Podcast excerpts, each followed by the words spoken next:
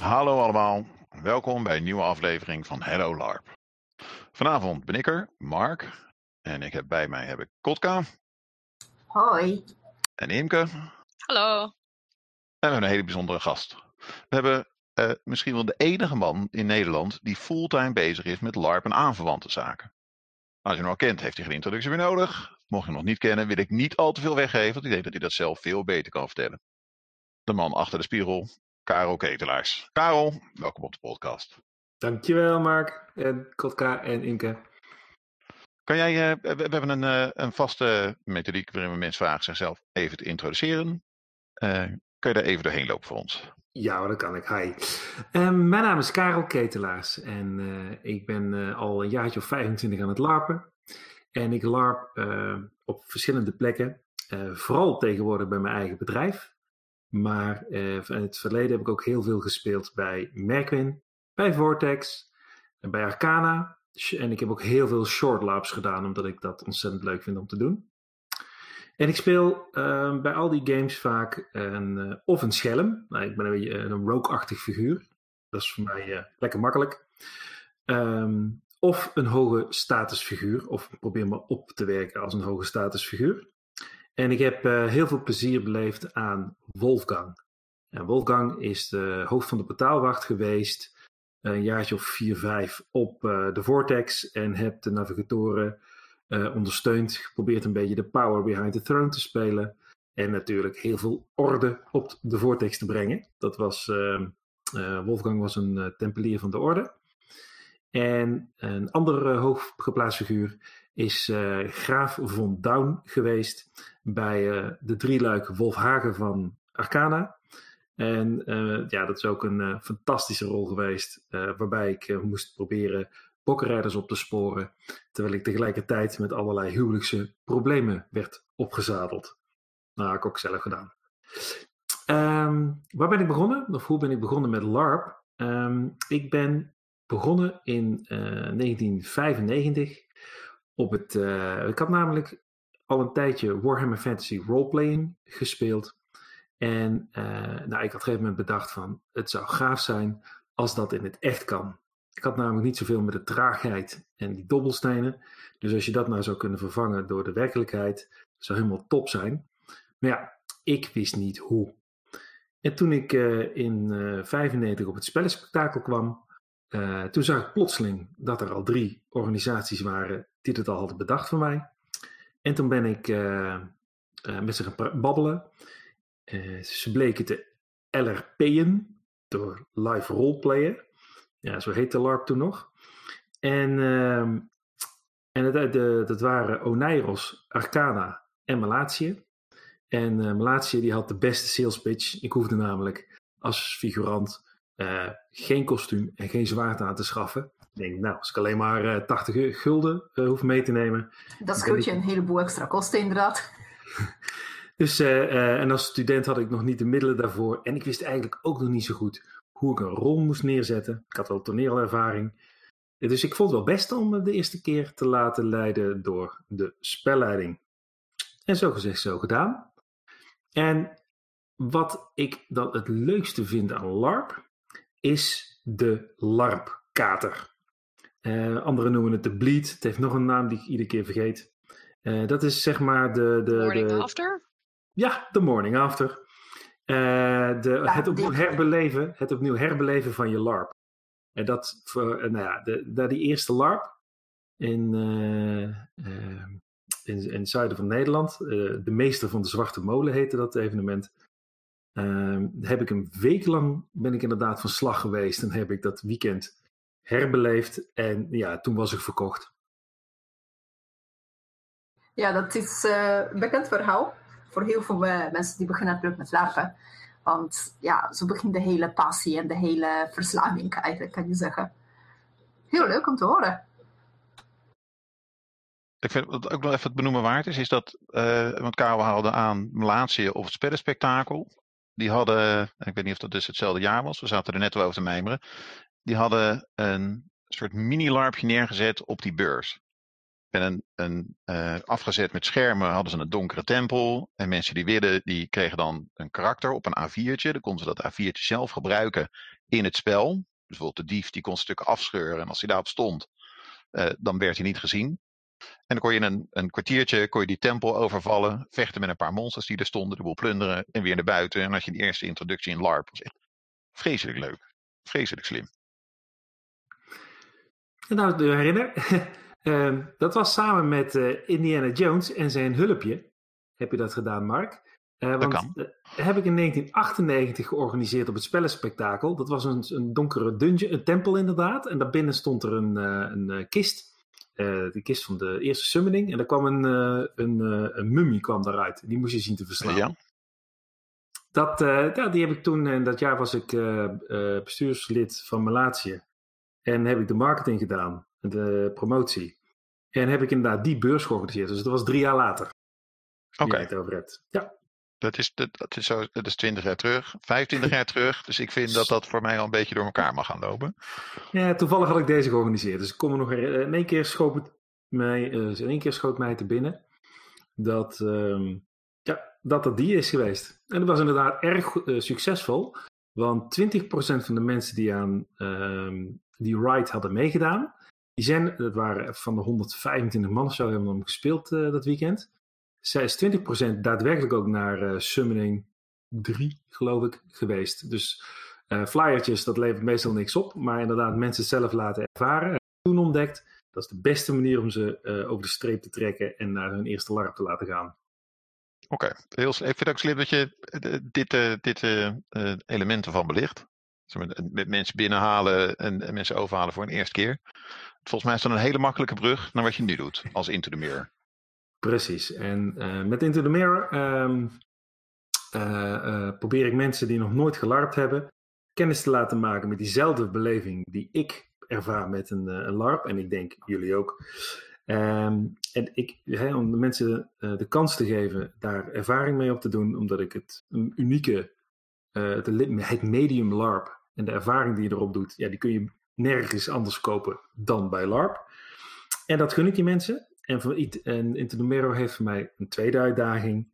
Um, naast die mensen te laten spelen, is voor mij ook een uitdaging om te kijken of ik daar een inkomen mee kan verwerven. Het is een bewuste keuze. Oké, okay, dus dat betekent dat je er daadwerkelijk, zoals ik uh, uh, gokte in mijn uh, introductie, fulltime mee bezig bent. Ja, ik ben nu 3,5 jaar bezig met Into um, tot februari vorig jaar parttime. Uh, was ik uh, 50% uh, les aan het geven en 50% uh, met Interdomero bezig.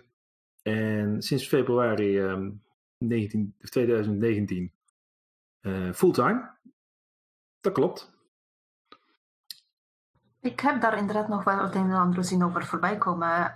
op Facebook inderdaad, bij andere LARP-groepen juist volgens mij was het toen juist, zeg maar, had je het bekend geloof ik gemaakt juist dat je gaat echt fulltime uh, ermee aan de slag en zo. En ja, uh, toen had je het gepost geloof ik bij LARP Nederland, Facebookgroep. Ik gebruik inderdaad uh, Facebook onder andere inderdaad om dit soort dingen mede te doen. Ja, Klopt. het is een perfect middel voor gewoon je bedrijf bekender maken, zeker onder LARPers. Zeker met hoeveelheid ja. van de LARP-groepen dat er zijn. En ook uh, mijn klanten, dat zijn eigenlijk niet uh, de LARPers. Ik uh, verkoop niks aan, aan LARPers. weinig. want ja, ik, ik, richt me echt vooral op ehm, iedereen behalve LARPers, als ik heel eerlijk ben. Um, ik vind LARPers namelijk best wel een, een, een, een, een uitdagende doelgroep. Om daar um, goede evenementen voor te maken. Dat laat ik graag aan anderen over. Want ik weet zelf hoeveel tijd en energie het kost. En jullie ook om een, uh, uh, een evenement te organiseren. En als je dat dan commercieel wil doen, is dat wel heel spannend. Wat je zegt, het doel is nieuwe mensen kennis te laten maken. Dus ik neem aan, daar, daar verkoop je dingen voor of daar organiseer je dingen voor. Kun je daar kort wat over vertellen? Wat voor evenementjes je organiseert? Ik uh, heb diverse games. ja, ik noem. komen op een ander puntje uit. ik organiseer real life games met Into the Mirror. En dat is eigenlijk uh, een iets breder begrip dan uh, uh, LARP alleen. Het is ook een combinatie van LARP en ook escape games. en puzzelen. En, maar het, het, LARP-gehalte komt terug in mijn fantasy LARP Fantasy Heroes. Met Fantasy Heroes heb je een drie uur durende beleving waarin je de eerste anderhalf uur een workshop krijgt om erin te komen. Je leert zwaardvechten, je leert rollen spelen. En daarna ga je anderhalf uur met elkaar een echte traditionele oldschool linear spelen. Zoals ze in uh, begin jaren 0, eind jaren 90 door uh, Malatie werden georganiseerd. En dat spreekt um, vrijgezellenfeesten, maar ook bedrijven aan om dat met elkaar te doen. Is dat dan een beetje vergelijkbaar met hoe dat ze LARPen doen in bijvoorbeeld Amerika? Waar het Absoluut. veel meer quest gerelateerd is? Um, geen idee. Ik heb geen ervaring. Ik heb weinig gelezen over precies in Amerika doen. Um, nee, het is echt oldschool uh, Malatië. Dus uh, Merkwin, uh, Vortex Adventures, Engeland, die hoek meer. En het zijn echt wel de, ge, geïnspireerd op de, korte avonturen van Malatië. Die duurden, of duren bij Merkwin nog steeds drie uur. En ik heb twintig jaar erover nagedacht hoe ik LARP simpeler kan maken. Hoe ik LARP um, kostenefficiënt kan maken. En ja, dat is uiteindelijk de game Fantasy Heroes geworden. Wat eerlijk gezegd ook nog eens begonnen is als een verjaardagsfeestje voor een van mijn kinderen. En toen die kinderen een vette tijd hadden en echt aan het larpen ze sloegen, dat ik in het vol verwondering stond te kijken naar die beelden zoals zij aan het spelen waren. En ik, nou ja, ja die zijn gewoon aan het larpen. Dat is gewoon dat doen, ze staan ook allemaal keurig zo om elkaar heen om een kistje te staren en dan te discussiëren. En ze staan ook allemaal vertwijfelend te vechten in hun eerste gevechtjes. Ik denk, nou, als kinderen dit verhaal begrijpen. En uh, er was er eentje die had zelfs een, uh, een larpkater. Uh, die belde, wilde s ochtends om half zeven mijn zoontje bellen. En om te komen spelen. en toen had ik zoiets van: hé, hey, maar dit werkt. En dan hoef ik alleen nog maar voor grote mensen te katten. En dat is gelukt. Dus de, de, de, de eenvoud van Fantasy Heroes is de kracht van Fantasy Heroes en maakt LARP toegankelijk voor niet-LARPers. En ook voor mensen die voor de eerste keer willen LARPen, maar erg opzien tegen 40 pagina's spelregels, uh, eh, 40 tot 80 man die ze niet kennen. Uh, en dat op een rijdende trein instappen, wat uh, de meeste LARPs organiseren. Dat zijn zeg maar feuilletons dat je op een rijdende, uh, zo'n feuilleton instapt, geen idee wat er allemaal om je heen gebeurt. Nou, dan is dit ook een fantastische uh, introductie. Dus ik, ik, zet hem ook in de markt als uh, LARP introductieavontuur. Dus je kunt bij mij elke eerste zondag van de maand kennis maken op een laagdrempelige manier met LARP. En dan krijg je daarna nog wat adviezen om via LARP-platform de Nederlandse LARP-wereld te gaan verkennen. Ja, het is zeker wel een hele leuke. Ik heb trouwens serieus gekeken naar uh, de website van jou. Omdat mm -hmm. uh, op mijn nieuwe werk was er een, uh, gezegd van, ja, als bepaalde wedstrijdje wat we daar hadden. Als wij het winnen, dan kunnen jullie per afdeling beslissen wat jullie kunnen gaan doen als een bedrijfsuitje. En toen mm -hmm. had mhm. ik zoiets van, hey, wacht even. Er zijn meer larpers hier op deze werk dan ik. Misschien is een leuke voor de rest van ons. Helaas, mijn afdeling heeft niet gewonnen. Dus echt Ah, nou, volgende, keer, volgende keer beter. Dus, uh... Nou ja, ik ga dit gewoon echt wel voorstellen als uh, een keertje gewoon als een bedrijfsuitje voor mijn afdeling. Omdat we hebben natuurlijk ook entertainment afdeling op mijn etage. Dus eh, je weet, misschien. Oké, okay, leuk. Nou, Daarom. zie, zie de vraag tegemoet komen. Mooi. Um, maar nu heb jij niet alleen dit, je hebt ook nog een of ander boek geschreven. Kun, kun je daar wat over vertellen? Uh, ja, dat kan ik. Ik heb een boek geschreven dat heet uh, Live Action Role. Het spel, het drama en de beleving. En um, dat is alweer zo'n jaar of twee jong. Um, en dat boek is tot stand. Dat boek bevat 99 inzichten hoe je de beste beleving kan creëren uh, in het traditionele fantasy LARP. En daarmee, nou, wat bedoel ik daarmee? ik heb vanaf mijn allereerste LARP continu de vraag gesteld: waarom is deze scène fantastisch? Waarom heb ik die enorm genoten? En waarom heb ik op het volgende moment verschrikkelijk gebaald van wat daar om me heen gebeurde? Het, bij LARP is voor mij altijd hele grote ups en downs. Ik weet niet of dat mensen herkennen. Weet je, als je flink in die beleving zit en dingen lopen mis, of je, wordt oneer, komt oneerlijk spel tegen, of de situatie loopt echt helemaal totaal anders dan je ook maar enigszins had, had vermoed. Oh ja, iedereen kent dat. Ja, daar raak je teleurgesteld van. Ehm, die rollercoaster rides, ik heb, me, ik heb continu die vraag gesteld waarom. En ik heb sommige mensen tot vervelens toe daarmee eh, lopen borrelen om te begrijpen wat LARP nou is. Nou, toen begon ik tegen de 40 te lopen en ik had al 15 jaar erover lopen filosoferen en lopen kletsen en lopen borrelen. En ik had zoiets van, nou, ach, laat ik eens wat van die uh, inzichten op papier zetten. Nou, dat begon met een stuk, uh, stuk of uh, 10, 20, 30. Ach ja, dat moet ik ook nog even opschrijven. Dan proberen we wat anekdotes uh, en met wat voorbeelden een soort van bewijsvoering bij dat inzicht te doen. En plotseling zat ik op 65, ook wilde bij 50 stoppen. Ja, als ik een 65 heb, ook ik heb nog, nog een paar dingen te vertellen. En ja, uiteindelijk zijn het er 99 geworden. Uh, die eigenlijk als een soort uh, uh, blog lezen.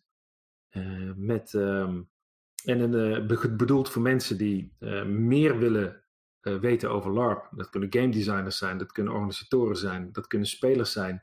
Die super geïnteresseerd zijn in hun eigen hobby en willen begrijpen ehm, wat een LARP goed maakt, wat een eigen spel goed maakt, of wat ze vooral niet zouden moeten doen.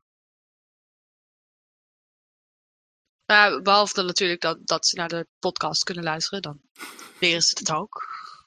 Precies. Ja, op elkaar een compliment te geven. Ik vind, uh, uh, ik heb je boek een paar keer gelezen. Mm -hmm.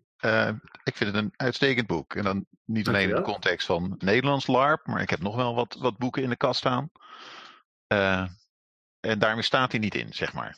Dus je, je, je hebt best een paar keer dat je dingen aanhaalt dat ik denk, potverdorie. Uh, wat weet je daar precies mooi bloot te leggen, waar het eigenlijk om gaat. Dankjewel. Ik heb ook uh, heel veel uh, inspiratie opgedaan uit uh, de Nordic LARP scene. En dat komt, ik ben, op een gegeven moment was ik het traditionele LARPen wel een beetje klaar mee. Ehm, heel veel dingen beleefd. Uh, nou, op een gegeven moment heb je al heel veel avonturen beleefd. En dan komt er weer, en dan ga je toch weer eens een nieuwe vereniging proberen. Want ik ben altijd wel geïnteresseerd in wat anderen doen. En dan kom je bij zo'n club. Ja, en op een gegeven moment stond ik ook op een punt. Dan ging de anderhalve dag, zei ik van, weet je. Nee, ik denk niet dat wij bij elkaar passen. Uh, ik wens je nog een hele fijne tijd. En dan ging ik gewoon weg. Um, totdat ik door iemand werd ge stimuleert om eens een keer een short LARP in Utrecht te proberen. Nee, maar oké. Okay. Nou, er, ging een wereld voor me open. Uh, letterlijk. Ik heb ook uh, op een gegeven moment ook de gratis boeken van Knoedepunkt ben ik eens gaan bladeren. En um, nou, daar heb ik ook uh, heel uh, veel respect gekregen voor de Noordelijk LARP scene. Toen ik daar uh, begin jaren nul had je de Dogma 99. Daar hebben we nog smalend om zitten lachen met elkaar. Um, jaren later begin je dingen te begrijpen en uh, in te zien dat um, die rare Scandinaviërs het nog niet zo. Uh, toch heel veel dingen heel scherp um, zien. Kan jij, kan jij misschien even heel kort voor, uh, want we hebben het nog weinig gehad over Noordelijk LARP in de podcast. Kan je het misschien oh. heel kort uitleggen wat Knoedepunt is en wat het dogma-document is? Ja. Um, in de jaren negentig uh, werd er in uh, Scandinavië uh, gewoon gelarpt, zoals hier uh, in Nederland en in de rest van Europa. Een beetje ook in de Engelse stijl. En daar was een een groep mensen, die was het zat. Die had zoiets van, ja, ik heb, die hadden toen al, ik bedoel, ik was net begonnen. die hadden toen al van, ja, nee, die clichés die kennen we. Um, we willen graag, eigenlijk sterker nog, we beginnen ons te irriteren aan die typische fantasy LARP clichés. Maar het medium LARP, dus de, de, de, ja, de game mechanic, uh, iets met die regels, die personages, uh, uh, het, het, feit dat het een interactief verhaal vertellen is met elkaar en dat je mekaars publiek bent, um, speler en publiek. Dat intrigeerde ze. En toen hebben ze gezegd met elkaar in Dogma 99, wij zullen nooit meer fantasy LARPs maken. We nemen verantwoording voor de LARPs die we verzinnen. Uh, we gaan op zoek naar vernieuwende manieren medium LARP uh, een kans te geven en bijzondere ervaringen te creëren. En dat, uh, rond die tijd is ook de eerste Knoedepunt georganiseerd. Knoedepunt is een ja, congres van LARPers uit de vier Scandinavische landen. En het mooie is, die Scandinaviërs die verstaan elkaar niet, dus die praten al Engels met elkaar. Dus het was gewoon al echt al een internationaal event. En een ontmoeting. En op die ontmoetingen zijn zij kennis, jaarlijks ontmoeting, zijn ze kennis gaan delen, inzichten gaan delen, ervaringen gaan delen, uh, gaan experimenteren met LARP. Um, en daar, daar, dat is de associatie die veel Nederlandse LARPers met Nordic LARP hebben. Uh, experimenten als flikker uh, duizend kilo bloem in een, in een kelder, wat lichter erbij en dan ga je daar maar zwijgend twee uur zitten spelen. heeft daadwerkelijk plaatsgevonden en dat is een beetje het stempeltje wat, wat erop is blijven plakken. Maar zij gaan, zij gaan, gaan echt serieus verder gaan ontwikkelen. En uh, ook wat ze gedaan hebben, ze hebben de vluchtigheid van LARP. Um, als jij een LARP hebt gespeeld, is het voorbij, is het weg, is het een herinnering, klaar. En hebben zij proberen te borgen. Ze hebben geprobeerd dat te stoppen door de, de, de ervaringen van zo'n LARP op papier te zetten, theorievorming, theorievorming daaromheen te doen en dat elk jaar weer opnieuw met elkaar te beleven in een van de vier Scandinavische landen. Dus dat elk jaar een van die vier landen georganiseerd. En tegenwoordig, ik ben afgelopen jaar ook geweest. Um, omdat het dan in Denemarken is en dan kunnen we gewoon naartoe rijden. Uh, net als vier jaar geleden. En, en de bierprijs is betaalbaar. Heel belangrijk onderdeel. Ja, het is dat gewoon is heel hele, belangrijk. Heel belangrijk. Uh, de, de, ze hebben namelijk, uh, de vier, vier, jaar geleden ben ik geweest. Het jaar daarna zou het in Finland zijn. Daar schijnt uh, de alcoholprijzen echt de pan uit te reizen. En toen hadden ze dus een schip afgehuurd om op internationale wateren te kunnen gaan drinken. Oké, okay. dat kan ook. Dat is ook een optie. En bij die bijeenkomst um, ja, dat, ze hebben echt een, een, een, een fantastische sfeer, fantastische huisregels, uh, hele interessante lezingen. Iedereen doet het gratis voor iedereen van de community. Uh, er wordt uh, gepronkt met, met hun blockbuster LARPs, zoals de College of Wizardry, de Harry Potter LARP die in Polen draait. Um, Monitor Celestra, um, Capo. Ze hebben ook maatschappelijke thema's aan de kaart gesteld. Met Palestijnen spelen ze samen. En dan de afgelopen keer waren er 500 deelnemers uit 42 landen. Die dus met elkaar uh, discussiëren over LARP. Fantastisch. Uh, dat is echt zo machtig. Als er echt nog een keer een, ja, een, een con is, dan mm. is dat wel echt een con waar ik heen wil. Ja. Dat in ik Nederland, denk, dit zijn, dit zijn zoveel gelijkgestemde mensen. En die dan over dit onderwerp te kunnen bomen. Dat is echt prachtig. Ja, ja, ja, ja. En uh, Nederland is nu ook een initiatief door uh, LARP-platform opgezet. Uh, dus Zomerlarp, geloof ik. in 10, 11 en 12 juli dit jaar, voor de tweede keer. En die hebben, daar zitten ook mensen die naar Knoedepoen gaan, zijn ook betrokken bij de organisatie van het event. En proberen daar een soort Nederlands knoedepoekje van te maken. Dus als je ook daar kun je naartoe gaan en ervaringen uitwisselen zonder meteen de hele reis naar, ik geloof dat volgend jaar is Noorwegen weer aan de beurt. Uh, dat je de volgende keer helemaal naar uh, Noorwegen vliegt of Finland, zei ik. Hè? Zal het nog Finland zijn. En ja, super inspirerend. En um, ook daar ben ik uh, Scandinaviërs tegengekomen die eh, centjes verdienen of proberen te verdienen met LARP. En dat is vaak een boterham met hagelslag. Maar ze doen het wel. Nou ja, oude gezegd is natuurlijk, als je kan van je hobby je werk maken, dat snap ik best wel, weet je. Ik zou best wel willen ook uh, uitgebreider iets kunnen maken met LARP. Uh, zeker als het zou zorgen voor dat je gewoon de inkomsten hebt mee. Ik denk um, dat net als wat ik zie bij heel veel mensen die bijvoorbeeld houden van games en die gaan op een bepaald moment game developing in of game designing in, uh, of dat soort dingetjes, dat als je gaat daadwerkelijk werk maken van je hobby, mm -hmm. dat je blijft ook van je werk genieten en van je hobby. En als je hebt, uh, bijvoorbeeld zoals in jouw geval, je werkt nu met dingen met LARP, met roleplaying, live role action uh, playing. Het opent voor jou ook mogelijkheden om andere plaatsen te bezoeken, om ideeën op te doen, interessante mensen te ontmoeten. Dus dat maakt voor jou alleen maar leuker. Dat maakt alleen voor jou meer mogelijkheden. Ja. Zo zie ik het. Zitten er wel een paar puntjes, kanttekeningen aan om van je hobby je werk te maken? Zo dat vraag. altijd, zeker wel. Ja. Uh, nou, ik wil toch nog heel even terug naar je, je boek. Uh, daar heb ik even twee vragen over. Eén, uh, is het nog te bestellen? En twee, wat zijn, zijn er nu nog andere boeken uh, die je zou aanraden, die je als belangrijk ziet als je meer wilt lezen over LARP en LARP-theorie? Buiten ja. de knoedenpunktboeken. Ja, nee, dat, uh, dat heb ik. Ja, het boek is nog zeker bestellen. Je kunt het bestellen via mijn website, intothemirror.nl of uh, via boekenbestellen.nl. Schroom ook niet om te googlen op LARP boek op zijn Nederlands. En dan staat hij ergens bovenaan, dus dan kom je hem ook tegen. Ik verkoop hem niet via Bol, dat is heel ingewikkeld. Dus het is een printing on demand en dan kun je hem of digitaal als EPUB of PDF download kopen. Of je kunt hem bestellen en dan wordt hij bij thuis gestuurd in boekvorm.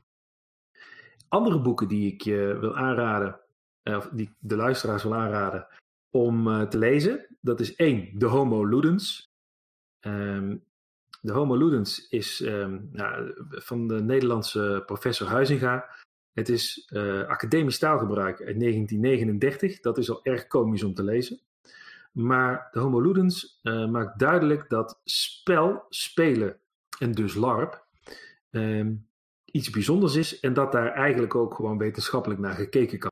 Dat was voor mij de eye-opener in de Homo Ludens. Wel een Thai-boek. Uh, een andere in, het, uh, de serie Thai is uh, The Rules of Play van Katie Salen en Eric Zimmerman. Rules of Play is een game design boek en maar dat game design boek bestaat uit alle theorieën die je als game designer nodig hebt in het notenboek. Ook Huizinga komt weer voorbij. Um, Kelwa. Uh, theorieën over autonomie en hoe je mensen motiveert met spelen. Positive feedback loops, negative feedback loops. Allemaal dingen die we binnen LARP doen.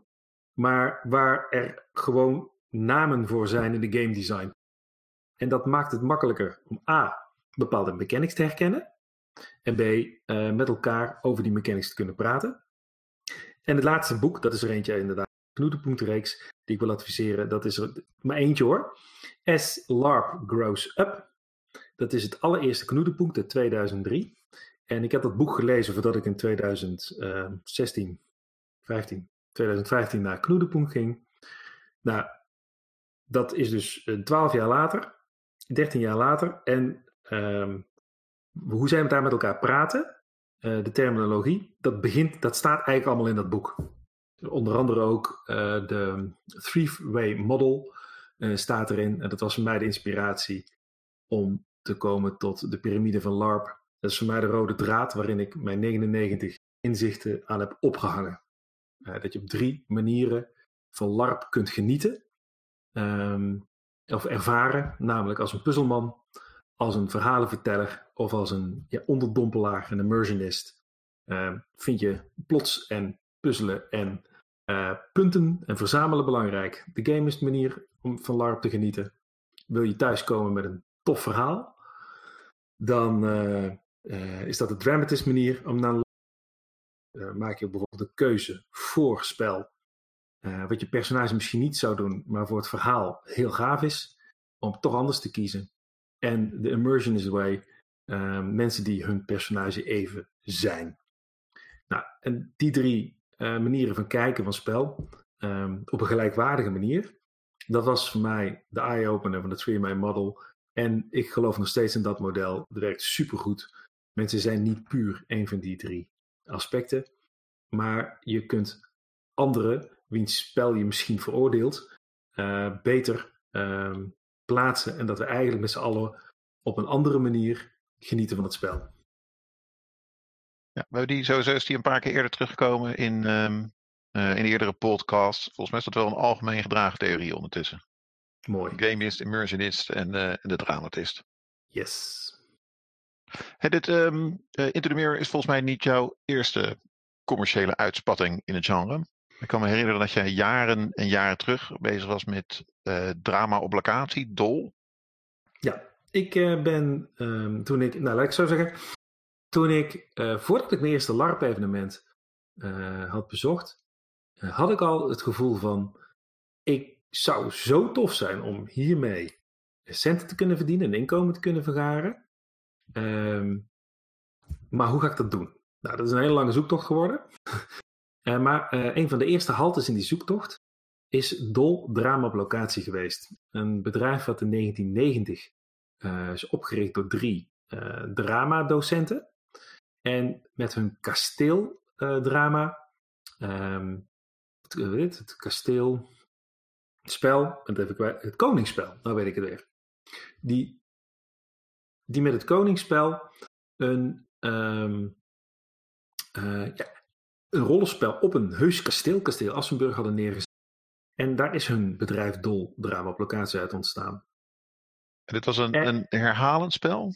Ja, dat was een herhalend hetzelfde, hetzelfde, scenario. Ja. Het was hetzelfde scenario, dus je moest de groep boeken. Het was, uh, in het begin was het op basis van open inschrijving. Op een gegeven moment moest je dat als groep boeken.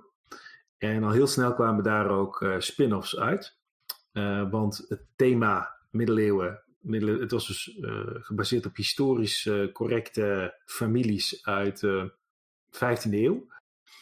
Ehm, die met elkaar dan inderdaad de, de, een nieuwe, nieuwe koning moesten kiezen. Er moest getrouwd worden. Intriges met kardinalen, met bisschoppen.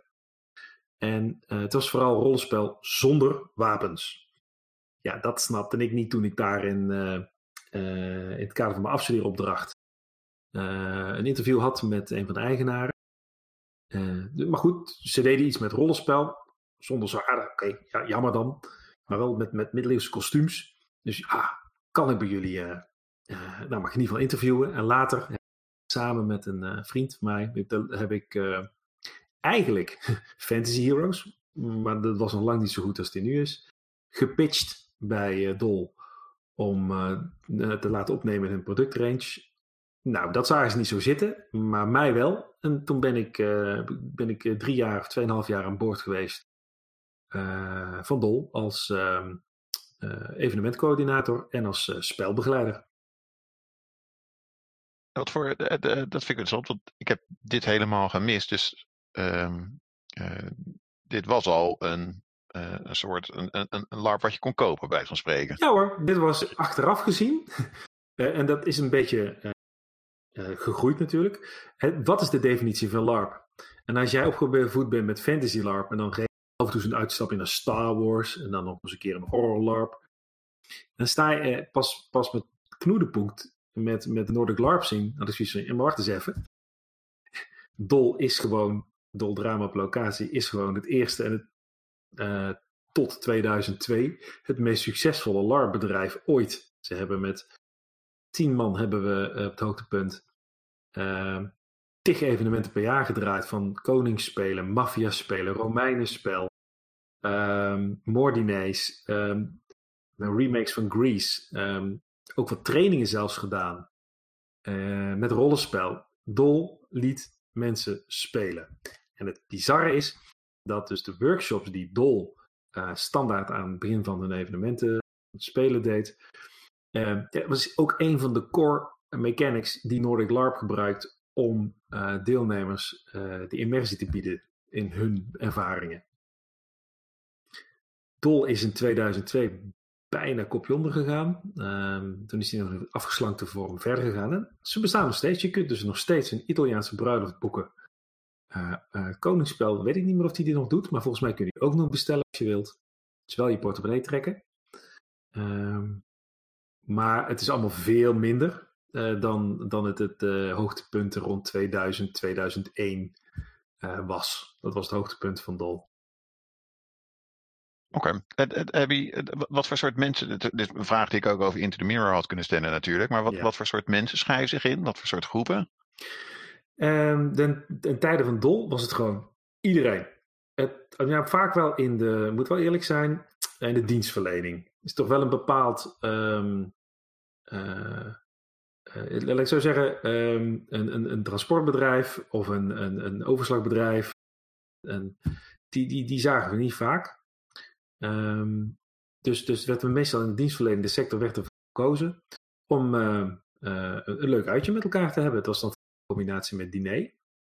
En uh, in plaats van, nou, we hadden ook zo'n interactief moorddiner waarbij iedereen speelde in een van de aanwezige gezelschappen. Uh, onder leiding van een notaris moest je proberen uh, erachter te komen wie, uh, ik weet niet meer wie, iemand was, iemand was vermoord en je moest dan met elkaar zien te puzzelen hoe dat was. Maar ondertussen konden ook nog andere mensen worden vermoord, want de moordenaar, de moordenaar liep daar gewoon los rond. Dus er zat al echt wel een zwaar rollenspelaspect in met heel veel agency voor de spelers. Ehm, ja, en dat, dat is er nou bijna niet meer, behalve dan in nog door uh, Le Dol en bij uh, Into the Mirror. En laten we eerlijk zijn, Prison Escape uh, bouwt ook leuk aan de weg. Heel leuk.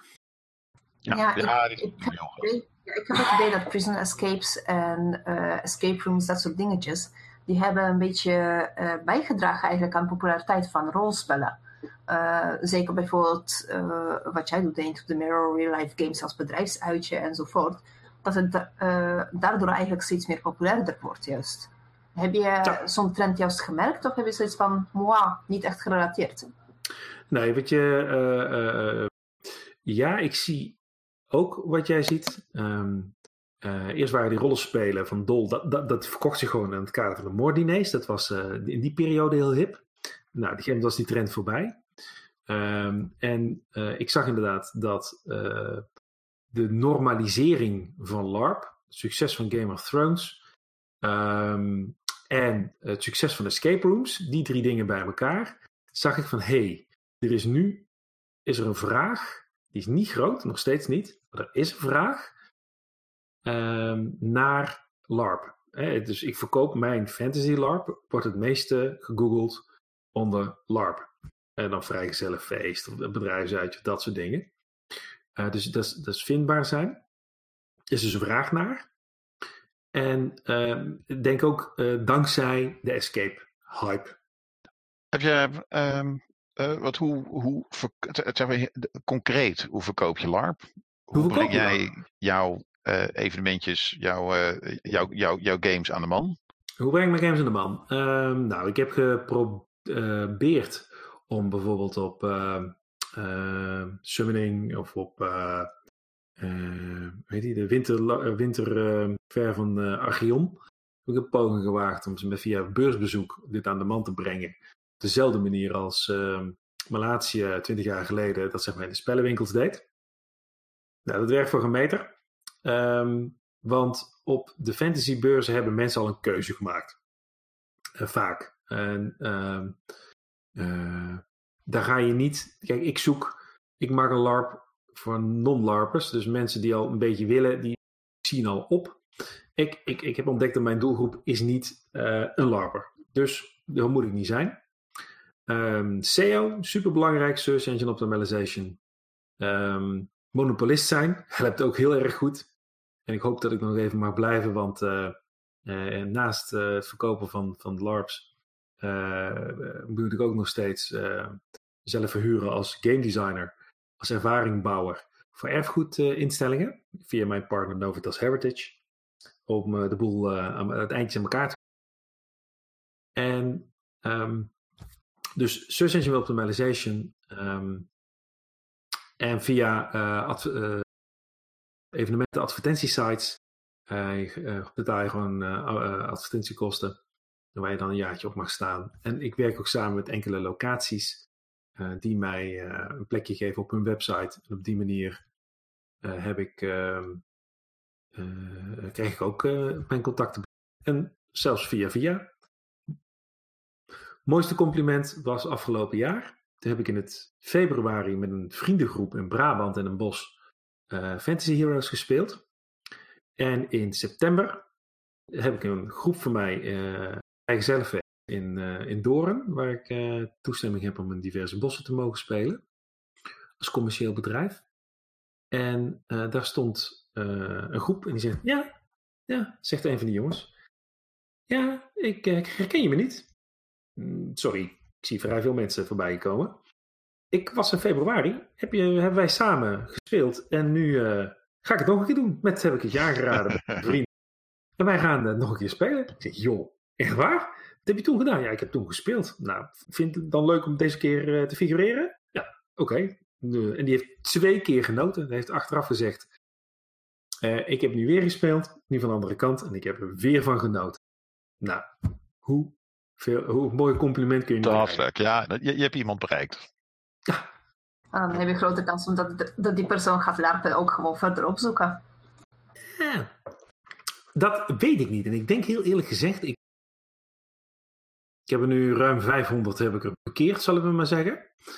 Ehm, in mijn eh eh, eh, bekerings, hoe heet zoiets, met mijn kruistocht. Eh, om van gewone mensen larpers te maken. Ehm, ik vraag me af hoeveel er uiteindelijk toch kiezen voor een hobby larp. Nou ja, als hobby misschien niet zozeer, maar ik verwacht wel bijvoorbeeld dat zo'n persoon die heeft zoiets van, oké, nu heb ik dit geprobeerd. Nu wil ik een echte larp gaan proberen. Kijken of dat mij ook bevalt. Uh, op die zit, manier maar er zit een hele grote drempel. onbekende mensen. Nou, komen ze op onbekende mensen. Dezelfde drempels die ik heb ervaren. Ik moet een wapen kopen. Ik moet een kostuum kopen. Ik moet een weekend lang. Nou, dat is op te brengen, want ik heb het nu drie uur gedaan. Twee keer drie uur, dat is tof. Een weekend lang, dan gaat het tempo omlaag. Dat waarschuwt Ja. ook mensen voor. Klopt, maar vergeet niet, hè, je hebt ook gewoon larps van een paar uur, van een dag. Het is afhankelijk van hoe ver gaan mensen dat natuurlijk opzoeken en uitzoeken. Dat klopt. Nou ja, dan denk ik dat het LARP-plat het hulpmiddel is.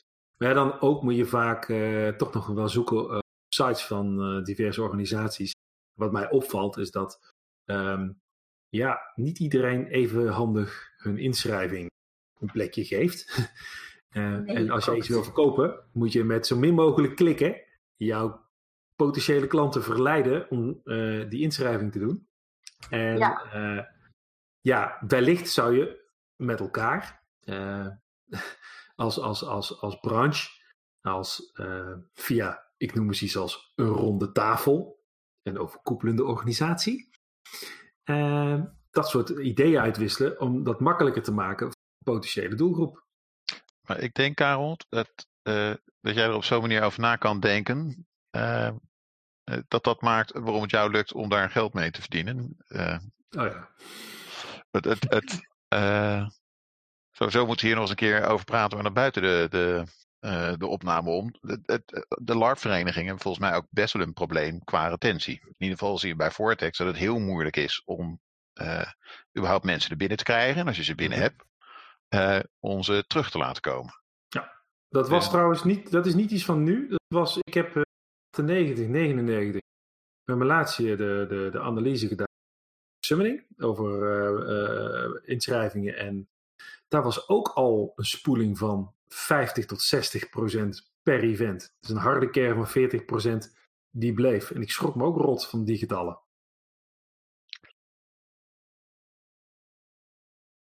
Ja, maar daarentegen heb je weer andere verenigingen waar mensen blijven op terugkomen. Zoals wat ik zie bijvoorbeeld bij Ravenskeep. Nou ja, ik geef het wel toe. Ja. Ik ken de percentages niet, wat daar is. Maar ik zie zeker wel een kern van misschien 70, 60 procent aan mensen die blijven telkens terugkomen, terugkomen. Nemen hun familie Klopt. mee en zo. En ik heb begrepen Arcana van- kent dat ook. Die hebben ook binnen twee... Dat, er zitten succesnummers tussen. En Ravenskeep, die ken ik ook. Daar heb ik ook heel lang bij gespeeld. Dat is ook een hechte, hechte vriendengroep. Klopt. Eh, maar inderdaad, als je kijkt naar eh, de Vortex, dan zie je inderdaad hoe vluchtig eh, zo'n groot evenement is. En dat is, eh, dat is iets complex. En, ja, Ja, en eh, dat zie ik bijvoorbeeld ook weer bij Boeia, waar je kan in principe alles gaan spelen. Maar daar zie ik ook heel veel nieuwe mensen elke keer, heel veel nieuwe gezichten bijna elke keer. En dan heb je een heel klein kerngroepje eigenlijk wat en wat blijft spelen. En ja, en ik dat- denk dat is een van de dingen. Dat, misschien is dat wel een mooie, wat je nu zegt, eh, Kotka. Dat een open world campaign ehm, kennelijk weinig binding geeft aan de spelers. Dus je moet eigenlijk de hoeveelheid keuze waaruit mensen kunnen kiezen, juist reduceren om het spannend en interessant te maken. Ja, maar het is ook een bekende ding, weet je. Eh, als je geeft spelers, en ongeacht LARP, tabletop, games, wat dan ook. Als je geeft spelers te veel keuze, dan gaan ze niet kiezen. En dan, Eh, dat is niet alleen weg. spelers, dat is iedereen. ja, klopt. Maar dat is een psychologisch stukje misschien. Maar ik zie dat makkelijk terug inderdaad gewoon in spelletjes, in LARP, in eh tabletops, dat soort dingen. En als mensen zijn daar een beetje ervaren mee, dan zien ze het, kunnen ze het ontwijken. Maar als je zit met je hoofd midden in het spel, midden in het organisatie, kan ik me makkelijk voorstellen dat je kan dat gewoon net, net niet opmerken of net niet zien.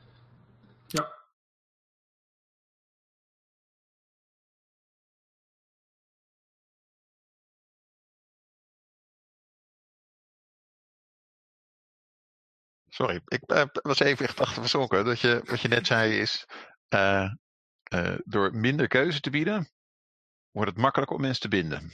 Ja, Ja, Dus door, door, door dat hele pad, zeg maar, dat traject, het spel in, eh, eh, eh, hoe moet ik het zeggen, krapper te maken, makkelijker te maken, minder keuze in te stoppen en meer, nu krijg je een zwaard van ons en een pakje. En, ja. Dat is wat Apple doet.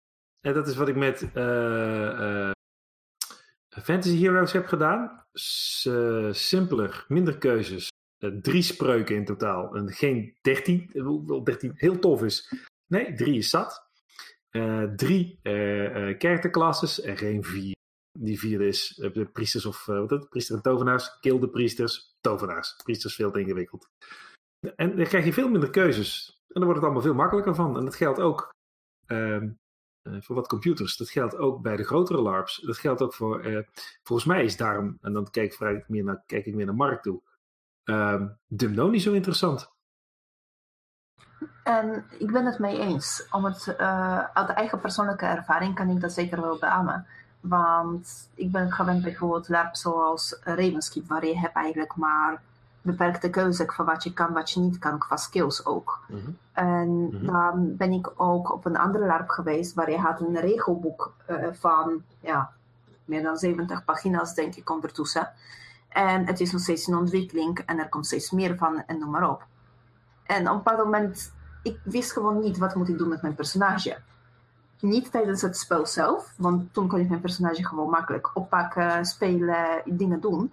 Maar als ik zat te kijken naar het boek, naar die regels, naar de opties en mogelijkheden, ik wist gewoon bij godsnaam niet wat moet ik mee, met haar aan. Nou, en dat is een heel mooi bruggetje naar Dansen Dageraad. Ehm, wat jij daar schetst over al die pagina's regels, dat was in 2001, 2000, 2001 ook al een probleem. Veel te veel spelregels. Ja. En toen ik bezig was bij Doldrama op locatie, die dus vanuit de Dramatist Way eh, de hoek komen. Dus wat nou regels? Huh? Het is dat. Het gaat om het, eh, de interactie tussen, tussen spelers. Dat is het allerbelangrijkste. Het rollenspel. Regels, het rollenspel. De regels zijn alleen maar ballast. En toen heb ik eh, voor Dansen Dageraad hebben we een spelregelsysteem ontwikkeld. met een paar belangrijke speerpunten. Eén, de basisregels was niet meer dan twee A4'tjes. Dat was een vereiste. Twee, informatie die je nodig hebt om eh, speltechnische informatie die je nodig hebt, eh, wordt je gevoerd op een moment dat het nodig is. Dus het zit of op de spreuk of het zit op je personagekaart. Drie, je kiest geen skillset, je kiest een klasse. En hoe die klasse speltechnisch in elkaar steekt, weet je niet. Je kiest wat je wilt spelen. Oh, ik wil een tovenaar spelen. Oh, ik wil een krijger spelen. Oh, ik wil een, nou, whatever. Waar andere klasses, andere namen. En eh, binnen dat volk, en dan eh, van de eh, vijf volkeren, ze- ik ben de tel kwijt. Ehm, nou, van die volkeren ehm, had ieder een paar startmallen. En dat was ook niet gelijk. Het was asymmetrisch. Asymmetrie brengt spanning in het spel. Ja, ongelijkheden. Eh, ja. Klopt. Het moet niet eerlijk zijn. Het spel moet van tevoren al niet eerlijk ingericht zijn. Dan ontstaan er spanningen. Het hoeft geen Agon-spel te zijn. Nou, IZ-speltheorie. Waar iedereen gelijke kansen heeft. Onzin. Het moet oneerlijk zijn. De wereld is namelijk ook niet eerlijk. En dat brengt drama. Ehm, dus dat zei ik nou. Dus die personages. Eh, je koos een karakterklasse binnen een volk. En dan liep je naar de informatiebasis. En daar kreeg jij je personagekaart. Ik ga eh krijgers spelen uit het eh, keizerrijk van Rome. Prima, dit is je personage, dit zijn de skillsets. Veel plezier ermee. Ah ja. joh, misschien, want volgens mij eh, is Dansen Dageraad combineert een heleboel van de dingen die, je eh, tot nu toe heb aangehaald. Het is misschien handig om even, eh, wat ik durf te wedden, dat er niemand van onze luisteraars enig idee wat Dansen Dagaat was. Dus anders om heel even uitzoomen en uit te leggen wat Dansen Dagaat voor evenement was. Graag, want ik heb ook geen idee. Oké, niet. En ehm Dansen Dageraad was een zesdaags eh kampeerevenement in 2002. Oef. ehm, waarin eh, LARP, LRP toen nog geheten, toneel en theater samenkwamen. eh, met als doel om van iedereen een betere LARPer te maken. Het bestond uit eerst anderhalve dag workshoppen om eh, je personage te creëren, je eh, te leren spelen, de spel, eh, zoals, zoals rollenspel bedoeld is. Ehm kennis met de regels, wat nog meer. Eh, nou, en dat eindigde dan met iedereen kostuum aan. Er kon ook nog kostuums maken, workshops waren er, zwaardmaakworkshops, het was er allemaal. Begon het spel. Het spel duurde ruim drie dagen. En overdag en gingen de workshops nog door. Het was volledig gecaterd. En s'avonds hadden we zelfs nog Omnia eh, als band om eh, luistering te maken. Het zat bomvol met ervaringen, zowel te leren als te spelen, als drama. En ehm, het was bloedheet of het was zeiknat. En, Het was fantastisch. en Mark was een van, van de spelers aanwezig. En eh, achteraf gezien, en dat wist ik pas toen ik theorieën erover las, was dit het eerste echte Nordic LARP evenement van de Benelux geweest. Ooit. Het probleem was dat het heel veel eh, eh, vriendendiensten heeft gekost om het te kunnen verwezenlijken. Het waren uiteindelijk 150 deelnemers, waarvan 50 man crew en 100 spelers. De ondergrens was ongeveer gehaald. We hebben er kiet op gespeeld en ehm, het was een samenwerking ook met Doldraatie. Dus er waren professionele spelbegeleiders die ook niet hebben, eh, eh, groepen hebben begeleid. Mensen hebben leren spelen. Ehm, ja, het was een eh, once in a lifetime experience. Ik had zelf, wat ik hebben ze inderdaad als speler ben ik naar Dansen Dagaat geweest. En we hadden inderdaad ook mensen bij ons die eigenlijk niet geïnteresseerd waren in LARP. Die hebben vooral meegelokt met, hey, het is een week lang, het is in zon, er is eten, er is muziek eh, en er zijn workshops. En dan kun je ook een keer dat LARP proberen, maar op een veilige, en zoals je eerder aanhaalde inderdaad, eh, eh, ingekaderde manier. Het vond het fantastisch. Ze zijn daarna niet meer gaan larpen, maar die week specifiek vonden ze allebei schitterend. Ja, En ik zat, zo, ik zit nu ook na te denken. Ik zat ook aan het vuur natuurlijk met allemaal mensen die nog nooit eerder gelarpt hadden. Maar wel de hele avond als dat karakters aan te keuvelen. En eh, rivaliteiten ontwikkelden en romances ontwikkelden. er gebeurden Ja. hele speciale dingen die daarna ook in geen andere LARP ooit nauwelijks meer, of stukjes, zijn teruggekomen.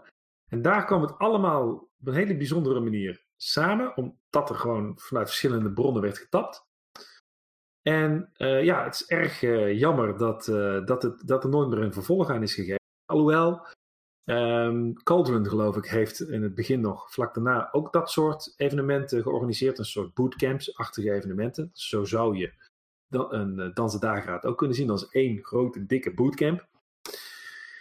Ehm, en ik denk dat het tegenwoordig niet meer kan, omdat ehm, mensen er geen zes dagen meer voor op te offeren. Behalve als je nog geen 18 bent en prachtige zomerkamp wil hebben, dan zou het kunnen. Een hele andere doelgroep. Wat dat betreft sluit dat weer een beetje aan bij de Deense manier van LARPen. En, Denen, en, De- en Denemarken, met minder inwoners dan Nederland, zijn er ongeveer 100.000 LARPers. In Nederland mag ik blij zijn als we de 3.500 tot 4.000 halen. En, ehm, maar ja, in Denemarken stop je ook met LARP als je 18 bent. Hoezo dat? Eh, het is daar eh, meer als scouting. Dus de meeste mensen stoppen ook met scouting eh, als, ze, eh, als ze 16, 17 zijn. Een paar als leiding. En de Ja, meeste zijn dan afgehaakt. Zo kun je dat. Ja, dat snap ik dan, zeg maar, de vergelijking, ja. Ja. Mm, maar dat even over eh Dansen Dageraad. Eh, ja, en, en nogmaals een heel bijzonder. Eh, eh, het was voor mij een droom die uit. daar ehm, eh, het ontstaan was uit de frustratie van dat ik me niet meer vermaakte op, uh, op, op fantasy LARPs. En ik speelde pas vijf jaar, uh, zes jaar. En heb toen uh, met dezelfde passie waarin ik eigenlijk ook dat boek geschreven heb, Dansen Dageraad, samen met een fantastisch team uit de grond gestampt. En ja, als, als een leerschool voor LARP.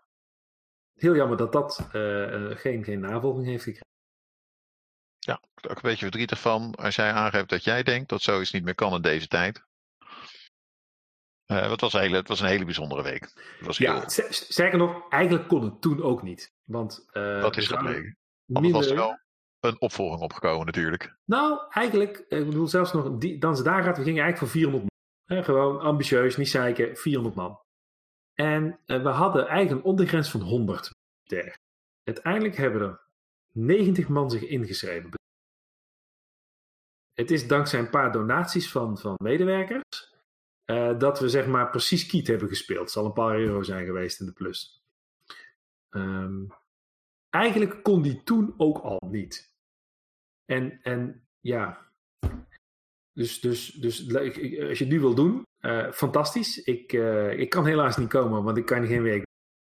Of ik moet af en toe tussendoor kunnen werken. Uh, het zou geweldig zijn. Ja, en let's face it. Wanneer, was de, wanneer was het event gebeurd? Van, dat, van de week? Uh, de Dansen Dageraad is 18 jaar geleden. ja, en kijk, weet je, ja, maar... mannen roggel. Maar nee, het is hoe je het bekijkt, weet je, 18 jaar geleden was natuurlijk een andere situatie voor heel veel mensen. En heel veel mensen die toen zich konden veroorloven om erheen te gaan, die kunnen dat nu niet, om welke reden dan ook. Grote deel andere kant, familie. Mensen zijn ook, weer, is ook een grote jonge ploeg zonder uh, gezinnen en andere verplichtingen. Dus wat dat betreft. Uh, maar nogmaals, ja, maar als, ik denk... als ze geen gezinnen en andere verplichtingen, kunnen ze meestal niet naar zo'n event, omdat ze kunnen het niet betalen. nee, dat klopt, dat klopt. Dus uh, ja, wat over de afgelopen 18 jaar is volgens voor mijn gevoel ook het verenigingsleven in Nederland wel enigszins veranderd. Het is steeds moeilijker om vrijwilligers te vinden, om tijd te vinden. Klopt, de tijd vooral. Want de vrijwilligers, mensen willen het wel doen, maar ze hebben zoiets van, maar dit gaat me tijd kosten, dit gaat me geld kosten. En ik krijg er niet eens een dankje van af, meestal. En dat snap ik, want dat, ben ik, dat, heb, dat gevoel heb ik ook gehad. Dus ja. En daarnaast zijn er wel, uh, um, ik toch wel even uh, uh, dat toch internationaal nog steeds blockbuster worden georganiseerd, waarvan ik vermoed dat sommige mensen daar wel iets aan overhouden. Niet als echt inkomen, maar dat, dat, dat nou ja, misschien sommigen ook wel. vooral in Tsjechië, Polen, Scandinavië. Um, waar je dus gewoon 4 tot 500 euro betaalt voor een weekend met een voorbereidingsdag ergens, uh, om aan zo'n evenement te mogen deelnemen. Daar is nu wel een markt voor, en die was er toen nog niet. Dus dat biedt misschien wat perspectief, maar, ja, ik hou niet van het woordje maar. Een jaar geleden is Joe Bak uh, failliet gegaan, of nou ja, zo, zo goed als failliet gegaan. Dat was ooit het grootste LARP-bedrijf ter wereld met maar liefst 42 medewerkers in dienst. Uh, dat is de club die de College of Wizardry is gestart en daarna nog andere uh, hele bijzondere uh, LARPs hebben georganiseerd. Ja, die hebben het niet gered. Um, en een van de redenen was dat ze eigenlijk zelfs die 500 euro die ze vroegen als kaartje, als toegangskaartprijs, een 100 euro te weinig was om financieel gezond te kunnen opereren. Dus als je kijkt, ja, er is een markt voor blockbuster LARPs. Dat zou Dansen Dageraad een tweede kans kunnen geven. Zeker als je maar daar is gewoon qua heel veel uh, mechanieken heel interessant en nog steeds uh, uh, bij de tijd. Toen vooruitstrevend, nu bij de tijd. En misschien, misschien wel voor heel veel verstokte fantasy larpers en nog steeds vooruitstrevend. dus da daar zit een mogelijkheid. Maar het is, ik denk niet dat ik die handschoen snel ga oppakken. Omdat ik gewoon zie dat, dat open inschrijvingen is gewoon wel een ding. Het is wel heel spannend om je evenement vol te krijgen. Dat heb ik toen met Dansen Dageraad meegemaakt. Het kost mij nu ook nog steeds heel veel moeite om mijn introductieavonturen vol te krijgen op basis van open inschrijving. Dus ja, daar zit nog wel iets wat het spannend maakt om op die manier uh, met, met hele grote, dure LARPs om te gaan. Ja, ja, ik kan me voorstellen dat het, dat, dat, dat het vanuit jou als organisator een soort Russisch roulette is. Ja, want ergens moet de startinvestering vandaan komen. Ergens moet En ergens moet de, uh, een deel van de ontwikkeling opgehoest worden. En ja, uh, de, de, schoorsteen moet ergens wel gaan roken. Ja.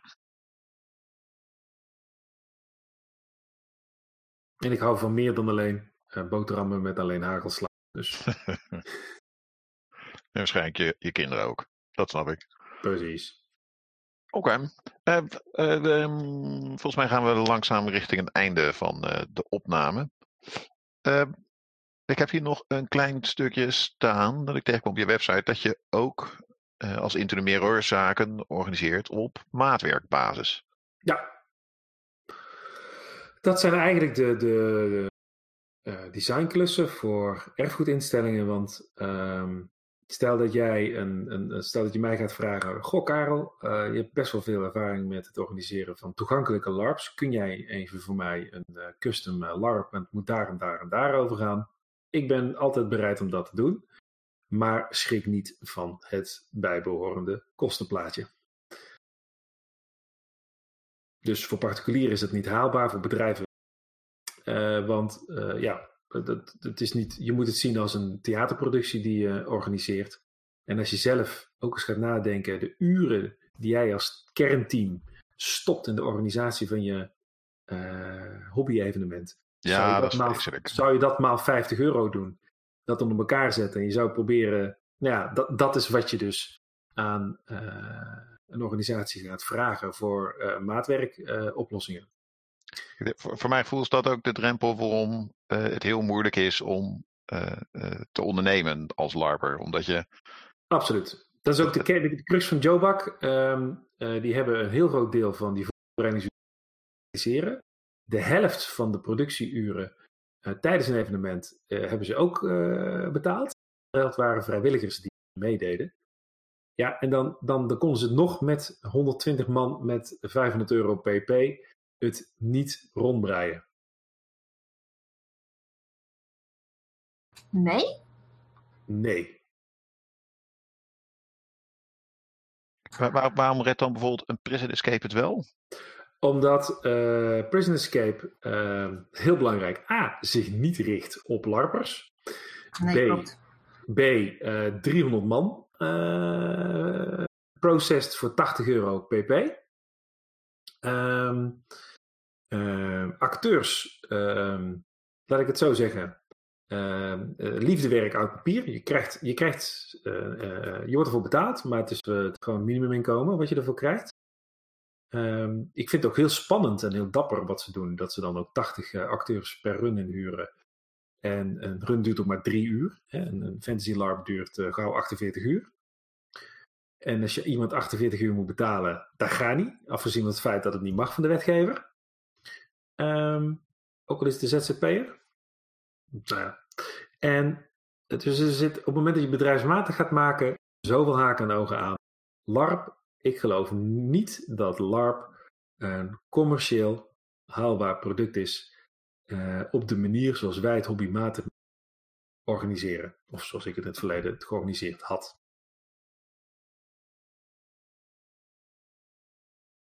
Wat een, uh, oké, okay. Een sombere gedachte om uh, richting afsluiting te gaan. Nou,